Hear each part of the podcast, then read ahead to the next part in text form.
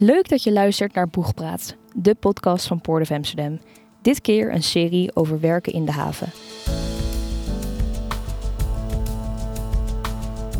Mijn naam is Mies Overtoom en in deze serie ga ik in gesprek met jonge mensen die in de haven werken. Ik ben jullie host en stagiaire. We gaan in gesprek met denkers en doeners, want de haven heeft beide nodig. Wat houdt hun werk precies in en wie zijn deze mensen? We gaan op zoek naar hun drijfveren, ambities en verhalen over het werken in en voor de haven. Vandaag spreken we met Ellen van der Veer, strategisch adviseur strategie en innovatie bij de haven van Amsterdam.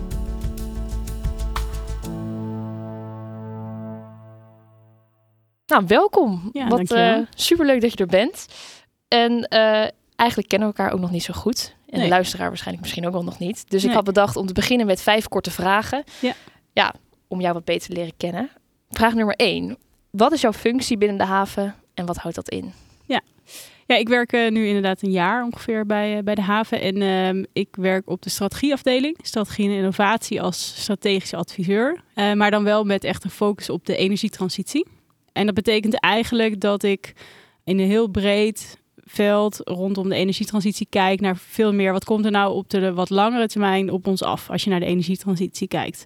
Dus wat voor soort veranderingen zien we gebeuren in het energielandschap? Eh, en dus ook wat betekent dat voor de activiteiten die wij, eh, die wij in de haven doen? Dat vind ik eigenlijk nog best wel, eh, ja, kort uitgelegd. Ik had eigenlijk verwacht dat er nog een veel langer en ingewikkelder Ik verhaal kan er ook een zou half uur komen. over praten hoor, als je dat wil. Maar Ja, misschien doen we dat straks nog wel. Ja, maar precies. inderdaad, straks nog even wat dieper op in. Maar ja, Ja. even kort Ja. precieze functie. En welke studie heb je dan gedaan? Ja, dat is een beetje eh, wel iets heel anders. Dus ik heb eh, aardwetenschappen gestudeerd in Utrecht. Ehm, en als master heb ik me toen gespecialiseerd in geofysica. Dus eigenlijk de natuurkunde kant van de aardwetenschappen. Oh, dat klinkt heel slim. Eh, Dank je. Nee, maar dit is eigenlijk ehm, waar veel mensen het van kennen, is bijvoorbeeld de aardbeving in Groningen. Dus wat Oh, je, ja. waar je naar kijkt, is als je nou gewoon iets in of uit de grond eh, instopt of uithaalt, zeg maar. Wat doet dat met de druk en temperatuur van, van de stenen, dus van de bodem? En ehm, ja, wat voor effecten heeft dat? Dat kan allerlei effecten hebben. En bijvoorbeeld de aardbeving in Groningen met gaswinningen is er daar één van. Dus dat is iets heel anders. En ik ben eigenlijk via wat omzwervingen ja, hier terechtgekomen. Wat grappig. Want het, het klinkt voor mij, ja, misschien, ik weet daar heel weinig vanaf, maar aardwetenschappen en dan vervolgens iets met in de bodem. Denk ik, oh, nou, dat lijkt dan best wel op elkaar. Ja, nee, klopt. Dus het is, eh, kijk, ik, ik ben dat ooit gaan studeren omdat ik gewoon bergen en vulkanen heel tof vond. En, eh, en dan ga je daar, nou ja, als 18-jarige denk je, nou, nou, dan ga ik dat studeren, dat vind ik tof. Ja, En ehm, waar ik een beetje tegenaan liep eigenlijk, is dat je ziet dat als je zeg maar een, een academische carrière wil, dus echt op de universiteit wil blijven werken, onderzoek wil blijven doen, dan, dan kan dat ook heel goed. Maar de meer toegepaste banen, die, nou ja, die mij ook tof verleken, die zaten eigenlijk best wel in de olie- en gassector. En dat vond ik ook super interessant. Maar aan de andere kant eh, ja, wilde ik eigenlijk liever iets meer aan de duurzame kant actief zijn. Dus toen ben ik eh, wel in het toegepast onderzoek terechtgekomen na mijn studie. Dus ik heb bij TNO gewerkt. Dat is eigenlijk het grootste natuurwetenschappelijke onderzoeksinstituut eh, van Nederland. En daar heb ik dus eerst wat meer aan de olie- en gaskant gewerkt. En toen ben ik eigenlijk vrij snel, omdat de markt dat ook vroeg eh, van ons daar, eh, ja, meer aan de energietransitiekant. En toen nog aan de bodemkant, zeg maar. Dus Ja. ja, ja de veranderende rol van de ondergrond in de energietransitie eh, gaan werken. En zo via, via, via in verschillende projecten ook eh, meer in aanraking gekomen met havenbedrijven en veel bredere context van de energietransitie. En dat vond ik eigenlijk heel, eh, heel cool. Dus wat grappig, ja. ja. zodoende. Want je werkt nu dus één jaar voor de haven. Ja. En wat was jouw beeld over de haven voordat je er kwam werken? Ja, wel een beetje smerige bende. Even, Ja. Als ik hem even Ja, heel nee. erg plat sla. Zeker eh, voordat ik ook eh, projecten ging doen hier. Dus eh, ja, gewoon veel grote schepen. eh, ja, een beetje de noeste arbeid, zeg maar. Maar daarmee dus ook wel echt heel veel nou fossiele lading. En die, die is er ook natuurlijk gewoon. En die is er nog steeds. En die zal er ook op de langere termijn, zal er altijd wel wat van blijven. Maar daarmee vond ik het ook wel heel interessant, omdat je, omdat je wel echt ziet dat hier enerzijds is het echt een soort van ja, centraal punt in de transitie. Want hier komen gewoon heel veel goederen binnen, gaan goederen eruit. Maar er zijn ook grote stappen te maken. En Ja. dat sprak mij wel heel erg aan. Van joh, waar kan je nou de grootste slagen maken, zeg maar, om te verduurzamen? Dus een beetje zodoende. En er komt ook wel bij dat ik... eh, ik heb eigenlijk altijd grote boten heel tof gevonden. Ja? Dus eh, ja, ja Als dat is, aan? Ja, dat is gewoon een soort van, ik weet niet, ik vind het gewoon echt uh, super indrukwekkend als je zo'n enorm zeeschip uh, ziet. Dus uh, ik ging met mijn ouders vroeger ook wel vanaf het moment dat het kon, ging bijvoorbeeld naar de Tweede Maasvlakte. En dan kan je, zeg maar, aan de, waar alle schepen binnenkomen, kan je gewoon gaan staan. Gingen we een grote boot kijken. Dat vond ik altijd echt heel erg gaaf. Ja. En ja, nooit zo de link gelegd met, oh ja, daar zou ik ook mijn werk, zeg maar, veel meer in kunnen inrichten of zo. Ja, maar uiteindelijk kwam het dan wel mooi uh, ja. op zijn plek. Ja. ja. en ik weet ook wel, ik heb ook altijd tegen vrienden gezegd, eigenlijk al wel vrij vroeg in mijn carrière, van nou ja, op het moment dat je ziet dat nou bij de havenbedrijven er echt functies komen in energietransitie, dan lijkt me dat wel heel gaaf. Nou ja, een anderhalf jaar geleden, toen, uh, toen kwam die voorbij. Toen was het daar ineens. toen was het daar ineens, ja. Dus ja, misschien heb je net ook wel een beetje al gezegd, maar wat maakt de haven dan een bijzondere werkplek? Ja, ik denk dat het is uh, voor mij persoonlijk is het, nou ja, het brengt dus gewoon de interesse van grote activiteiten, dus uh, grote schepen, grote kranen, heel veel activiteit. Dat vind ik er heel gaaf aan. Uh, met de, in combinatie met dat ik het gevoel heb dat ik hier echt impact kan maken, zeg maar, op de energietransitie. En met de energietransitie. Dus die combinatie ja, ja, maakt voor mij wel gaaf ja, ik vind het wel heel tof dat jij in de duurzame jongeren top 100 zit. Ja.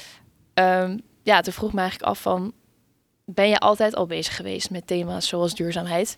Vroeger niet zo bewust. Dus niet, zeg maar, niet dat ik altijd al uh, dat ik iets activistisch in me heb gehad. Maar ik denk onbewust eigenlijk best wel. Uh, dus ik ben ook echt uh, heel erg opgevoed en opgegroeid met nou, liefde voor het buiten zijn, liefde voor de natuur. Uh, we gingen altijd kamperen, hele kleine tentjes, gewoon best wel ruig ook. En uh, heel vaak we gingen ieder jaar naar Scandinavië. Dus ja, die, die, die liefde voor je omgeving, zeg maar, en het fijn zijn om in de natuur te zijn, dat heb ik eigenlijk altijd wel gehad. En ik merk eigenlijk dat, nou, misschien wel vanaf het moment dat ik zeg maar in mijn studie een beetje zo'n gevoel kreeg van, oh ja, maar als ik dit wil gaan doen, dan kom ik heel snel in de gassector terecht en wil ik dat eigenlijk wel. Uh, nou ja, daar voelde ik wel van, nou ja, nee, eigenlijk niet. En ja, toen ben ik ook wel meer gaan nadenken, maar wat wil ik dan wel en wat, wat wil je dan graag bijdragen? Ja, dat is wel echt iets wat, zeg maar, ook misschien wel op wat latere leeftijd wat dat betreft gegroeid is, zeg maar. Omdat veel concreter ook in je werk en in je dagelijks leven uh, ja, want ik merk bij mezelf, en misschien is dat een beetje stom, maar dat als ik denk aan duurzaamheid, dan denk ik gelijk een beetje van, boring. Beetje geitenwolle sokken. Ja, nou niet per se geitenwolle sokken, maar denk ik van, oh, dat is ook wel vaak een beetje negatief. En, ja. Uh, ja. Van het, en ook wel een soort van langer termijn. Van, van dan in dat jaar, dan, uh, ja. dan gaat het allemaal... Ja, we hebben het uh, altijd over 2050, hè? Zodat we, ja, het nog zo ver weg. Ja, maar ik moet, wel, ik moet wel eerlijk toegeven dat ik eigenlijk niet zo heel veel met duurzaamheid had.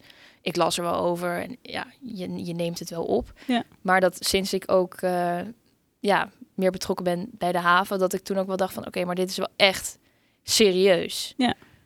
Maar vind jij dat dan ook moeilijk dat jij misschien wel heel serieus hiermee bezig bent en dat misschien mensen om je heen of van je eigen generatie eigenlijk er niet echt heel erg mee bezig zijn? Uh, ik denk dat uiteindelijk het kost wat meer tijd, maar dat onze generatie en ook de, de generatie daaronder, zeg maar, ze, zeg maar de mensen die nu op de middelbare school zitten, dat die eigenlijk er wel veel meer mee bezig zijn dan, denk ik, de generatie boven mij. Ja. Dus het, het leeft wel heel erg. En uh, zeker zeg maar in de, in de Randstad, uh, de omgeving waar ik ben opgegroeid en altijd heb gewoond, ja, speelt het wel heel erg. En wat, je heel, wat ik wel heel veel zie, ook bij vrienden om me heen bijvoorbeeld, dat ze wel ook wel ermee worstelen van ja, wat is, wat is dan mijn rol en wat moet ik ja. dan bijdragen en uh, wat moeten bedrijven bijdragen. Misschien is dat wel heel pragmatisch, maar ik sta er wel altijd in van je moet gewoon je best doen. Ja. En uh, zorg gewoon dat je goed geïnformeerd bent en dat je weet wat belangrijk is en wat er speelt. En ik denk uiteindelijk bij iedereen's leven past een andere vorm ja. van daarmee bezig zijn. En ik doe dat op mijn eigen manier en andere vrienden doen dat weer op hun manier. Ik hou niet zo van uh, mensen die zeggen: ja, je moet alles perfect doen, want Ja. anders ben je geen duurzaam persoon. Ik denk echt dat dat op het moment dat jij je informeert en je best doet om iets aan te passen in je Ja. leven, om je eigen bijdrage te leveren, dat dat Alle beetje stellen. eigenlijk al heel goed is. Ja. Ja. Ja. Want hoe probeer je dan zelf? Heb je concrete dingen die jij zelf doet om eh, zo duurzaam mogelijk te zijn, zeg maar? Nou ja, we, we, hebben, we zijn net verhuisd. we hebben echt een, een nul op de meter woning gekocht. Dus een, een volledig duurzame woning. Daar word ik wel heel blij van. Zeker als je uit een heel oud huis komt zoals wij, waar bij wijze van spreken het in alle hoeken en gaten loopt te tochten. Ehm, maar ook wel, ik probeer dat ook wel heel erg vanuit mijn eigen bedrijf te doen. Dus ik heb naast mijn baan met de haven heb ik een eigen bedrijfje waarmee ik uh, illustraties maak en, uh, en ecologische tuinen ontwerp.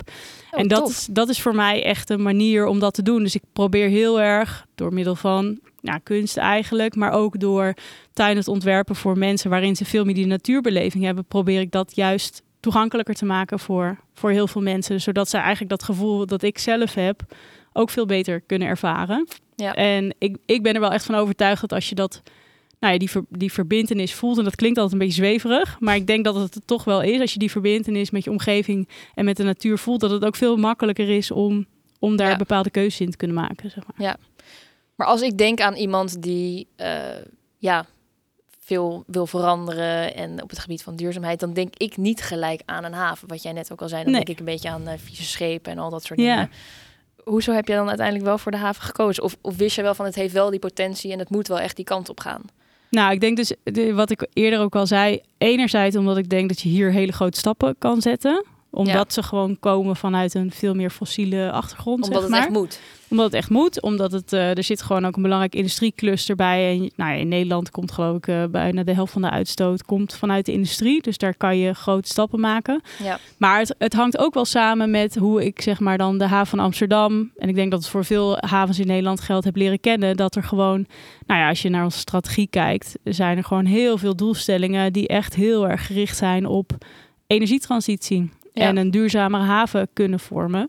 Uh, dus ik denk die combinatie enerzijds grote stappen maken, maar dus ook dat er ruimte is en dat er bewustzijn is binnen het bedrijf van joh, we moeten hier iets aan gaan doen. Dat ja, was voor mij juist een reden om dan hier zeg maar dat te willen gaan doen. En als strategisch adviseur uh, adviseer jij denk ik op verschillende thema's, onderwerpen. Ja. Wat, wat zijn dan voorbeelden of ja, waar je nu vooral mee bezig bent? Zijn er een paar projecten waar je dan uh, nu vooral op focust? Ja, ze zijn, er zijn inderdaad verschillende projecten waar ik mee bezig ben. Eén hele belangrijke is uh, groene waterstofimport. Dus er wordt, um, nou ja, waterstof uh, wordt ook wel vaak gezien als een beetje de heilige graal. Daar ben ik het niet helemaal mee eens.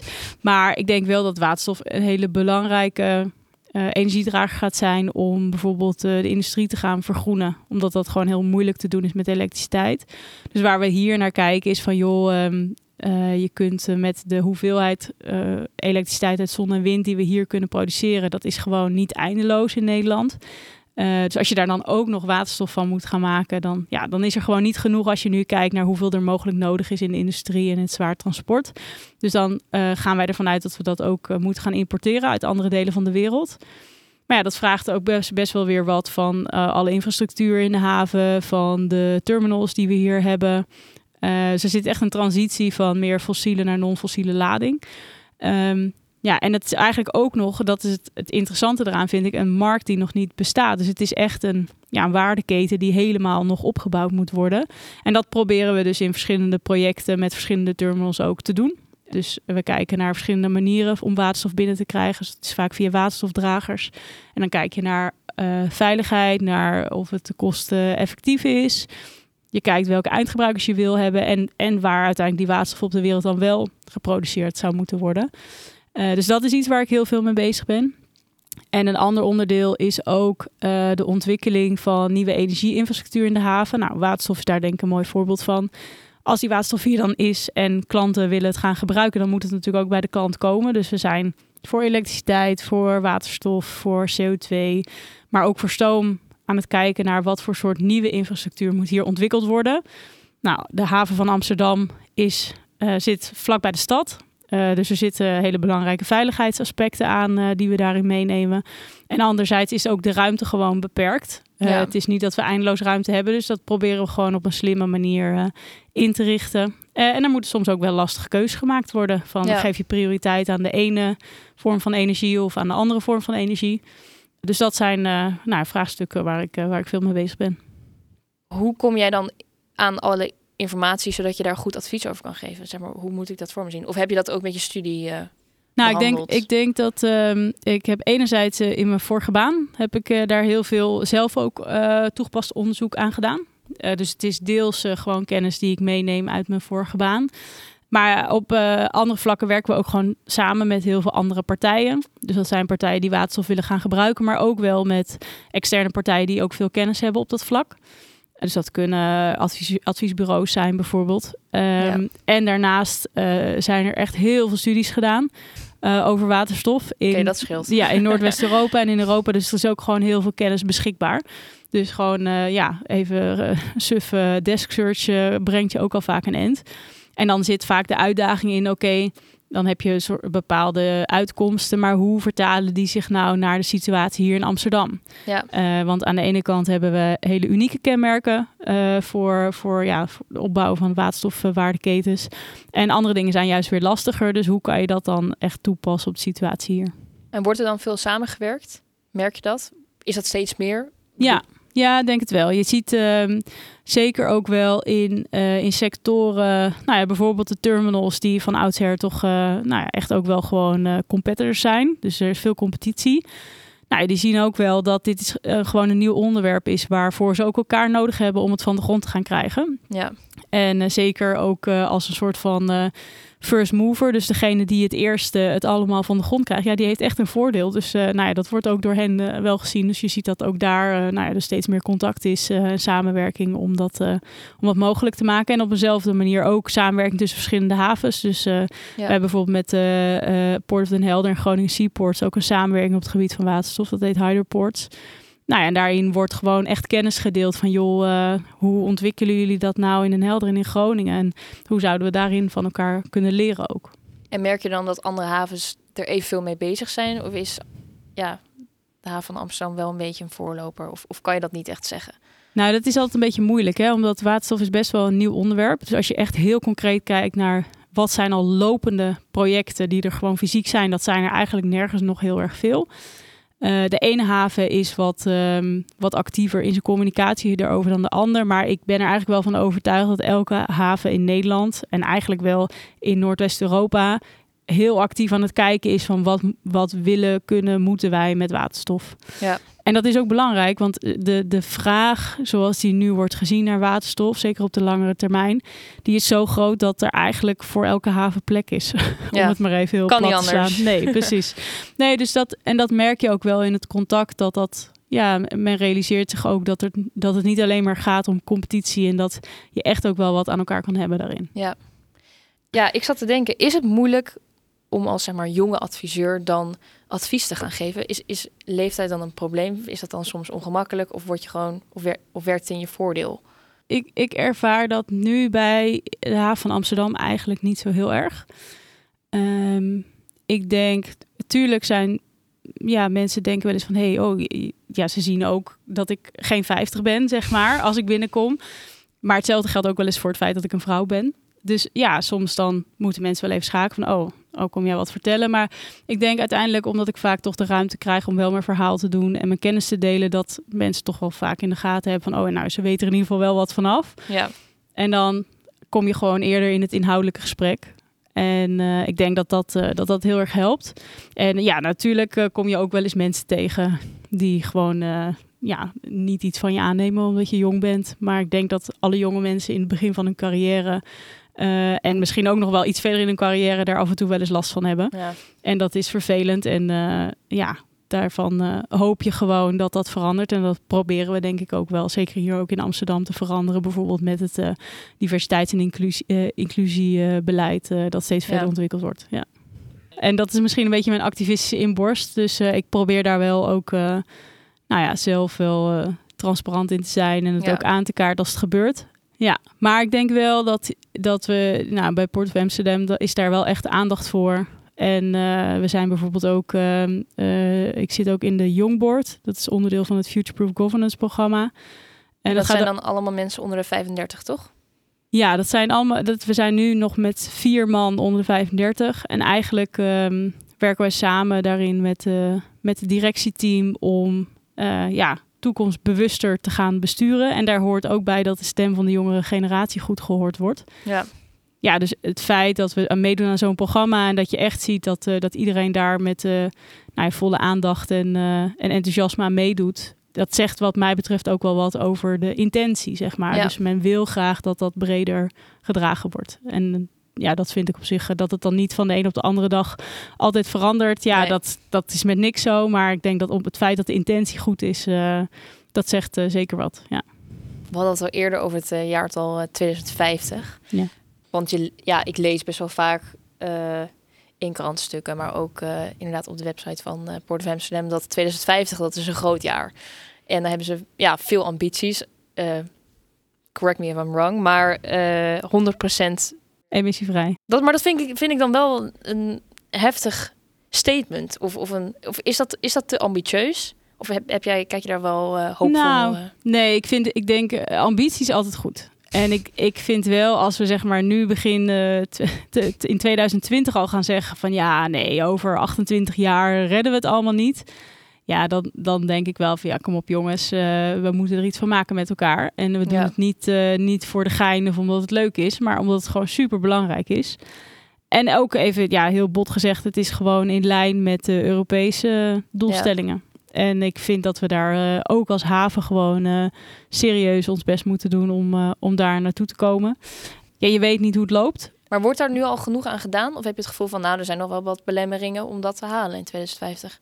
Ja, er zijn zeker nog, er zijn heel veel belemmeringen om dat te halen in 2050. Maar dat ligt denk ik niet alleen bij Port of Amsterdam. maar dat ligt gewoon, bij wijze van spreken, Europees breed. En we proberen dat ook uh, vanuit hier uh, voor de dingen die relevant zijn in de haven gewoon goed aan te kaarten. Bepaalde regelgeving die misschien verduurzaming in de weg staat. Uh, bepaalde subsidies die nodig zijn om projecten van de grond te krijgen of technologie te demonstreren. maar er is wel heel veel ruimte voor. Uh, dus het is, het is niet dat het een soort geplaveide weg is naar 2050 en dan staan we juichend aan de finish. Maar ik denk wel dat er heel hard gewerkt wordt om in ieder geval te proberen die ambitie uh, te realiseren. Ja, zeker. Ja.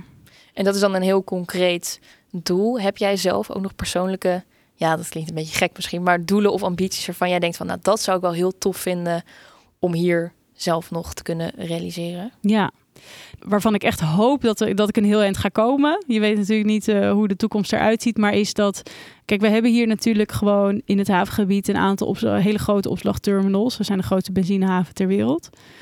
En die infrastructuur, ja, die uh, gaat minder gebruikt worden voor fossiele lading. Ja. Maar heeft een supergrote waarde uh, voor mogelijke nieuwe non-fossiele lading. En ik zou het echt super zonde vinden en ook niet heel efficiënt als we dat uh, verloren zouden laten gaan. Dus ik, uh, ja, ik voel me wel heel erg gemotiveerd om te kijken van joh, kunnen we nou die bestaande assets in de transitie een nieuwe functie geven. Dus eigenlijk bij wijze van spreken dat je alle uh, terminals die er nu staan, gewoon gaat hergebruiken voor iets anders. Nou ja, daarvoor moet er best wel wat gebeuren. Want daarvoor moeten bijvoorbeeld die waterstofwaardeketens gewoon van de grond komen. Nou, en ik denk dat het ook echt. Uh, kijk, het is heel makkelijk om dan te zeggen van nou ja, dat laten we aan de markt over en we zien wel wat er komt. Maar ik denk ook zeker dat het in het belang is van, uh, van Port of Amsterdam om daar een actieve rol in te spelen om dat, om dat mogelijk te maken. En dat dus ook mogelijk te maken voor, voor de klanten in het havengebied.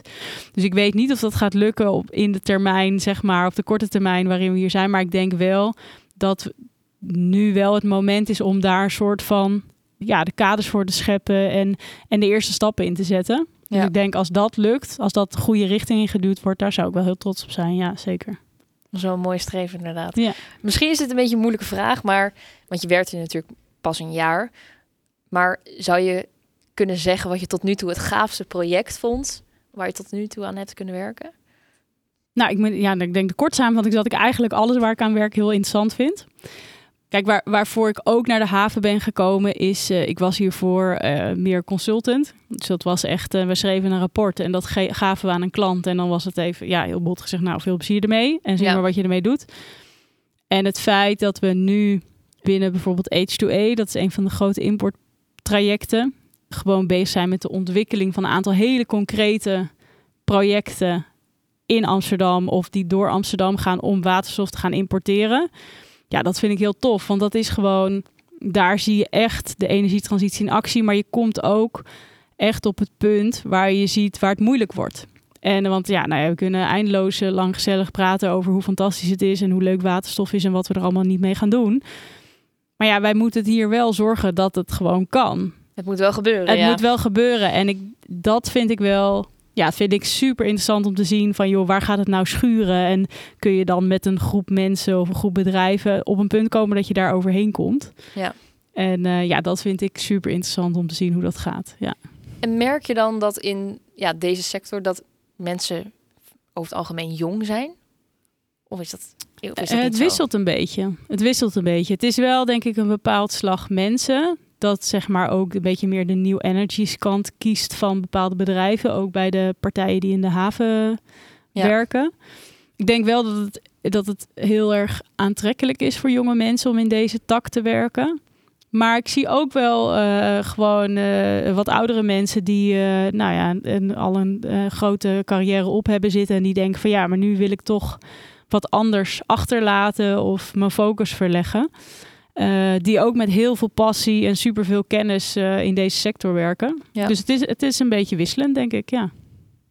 En nu heb ik een, een beetje een moeilijke vraag. Oké. Okay, jij mag vragen, ja, jij mag zelf kiezen welke je eerst wil. Ja. Maar dan ben ik eigenlijk wel een beetje benieuwd naar van wat vind je het meest leuk aan je werk? Mm -hmm. En wat vind je misschien wat minder leuk aan je werk? Ja, dat is wel een goede vraag. Dan moet ik natuurlijk één ding gaan kiezen. Ja, en gewoon eerlijk zijn. Hè? Ja, ja, zeker. nou, wat vind ik het meest leuke aan mijn werk is denk ik um, de, de uitdagendheid van het onderwerp. Waarbij ik echt het gevoel heb dat ik een beetje in het, in het centrum waar het allemaal gebeurt, mag werken aan de energietransitie. Met een heleboel leuke collega's. Want dat is wel, ik vind echt uh, het havenbedrijf een super fijn bedrijf. Er werken heel veel leuke, gezellige, gepassioneerde mensen. Dus die passie zie je ook terug in de projecten. Dus dat, dat vind ik echt heel erg leuk. Ja. Ja, wat vind ik minder leuk aan mijn werk? Ik denk wel, het zou voor mij allemaal nog wel iets sneller mogen. Ja. En ik kan allemaal heel goed beredeneren waarom dingen soms wat trager gaan dan, uh, dan dat ik zou willen. Maar omdat ik wel echt wel die urgentie ook voel van ja, weet je, als we dingen voor elkaar willen krijgen, dan is eigenlijk 2030 natuurlijk super dichtbij en 2050 eigenlijk ook wel. Met de tijdslijnen die je hebt voor zulke grote projecten als waar we naar kijken. En dan ja, zou ik ergens wel eens ho hopen dat dingen gewoon wat sneller nog wat gaan. sneller zouden gaan. Ja. ja. Ja. ja, en ik begrijp het allemaal wel. Maar soms denk ik wel eens van ja, maar jongens, het kan gewoon niet. Het, kan, het moet sneller, zeg maar. Ja. Ja. En ja, je, je zit er heel gepassioneerd te vertellen over ja, wat je eigenlijk allemaal zo leuk vindt. Maar dan heb ik eigenlijk misschien nog wel ja, een afsluiter. Mm -hmm. Wat maakt jou het meest, of wat, wat maakt jou trots, zeg maar, om te werken voor de haven? Wat vind je, wat maakt jou het meest trots? Waar ik wel heel trots op ben, en dat is eigenlijk pas iets wat ik de laatste tijd pas voel, omdat ik natuurlijk nog niet zo heel lang hier werk. Dus Mhm. eigenlijk vanaf het moment dat, nou ja, COVID een beetje iets meer naar de achtergrond gingen, we echt weer naar kantoor gingen, is de, de wil van mensen om iets te veranderen in de wereld. Dus eigenlijk misschien wel de transitie die binnen het havenbedrijf zelf aan de gang is. En dat gaat met horten en stoten. En daar kan je van alles van vinden. Het kan allemaal. Je kan altijd zeggen: dit moet beter of dat moet beter. Maar het feit dat er. Ik voel wel echt een, zeg maar, soort vibe binnen het bedrijf van we willen, uh, we willen het graag beter maken. We weten niet altijd hoe, maar we willen het wel. Dus we gaan het gewoon proberen. Ja. En ja, dat is wel iets wat ik niet bij heel veel bedrijven zo sterk heb gevoeld. In combinatie met die passie voor het werk. Ja, dus daar word ik wel trots van. Zeker, ja. Nou, dat vind ik eigenlijk wel een hele mooie afsluiter. Ja. Heel erg bedankt uh, ja, dat je hier wilde zijn. Ja, en, tuurlijk. uh, Superleuk. nou, dan zie ik je op kantoor, denk ik. Dat denk ik ook, ja. Dankjewel. Dankjewel. Bedankt voor het luisteren naar Boegpraat, de podcast van Port of Amsterdam. Lijkt het je leuk en tof om in de haven te werken? Neem dan een kijkje op onze website www.portofamsterdam.com.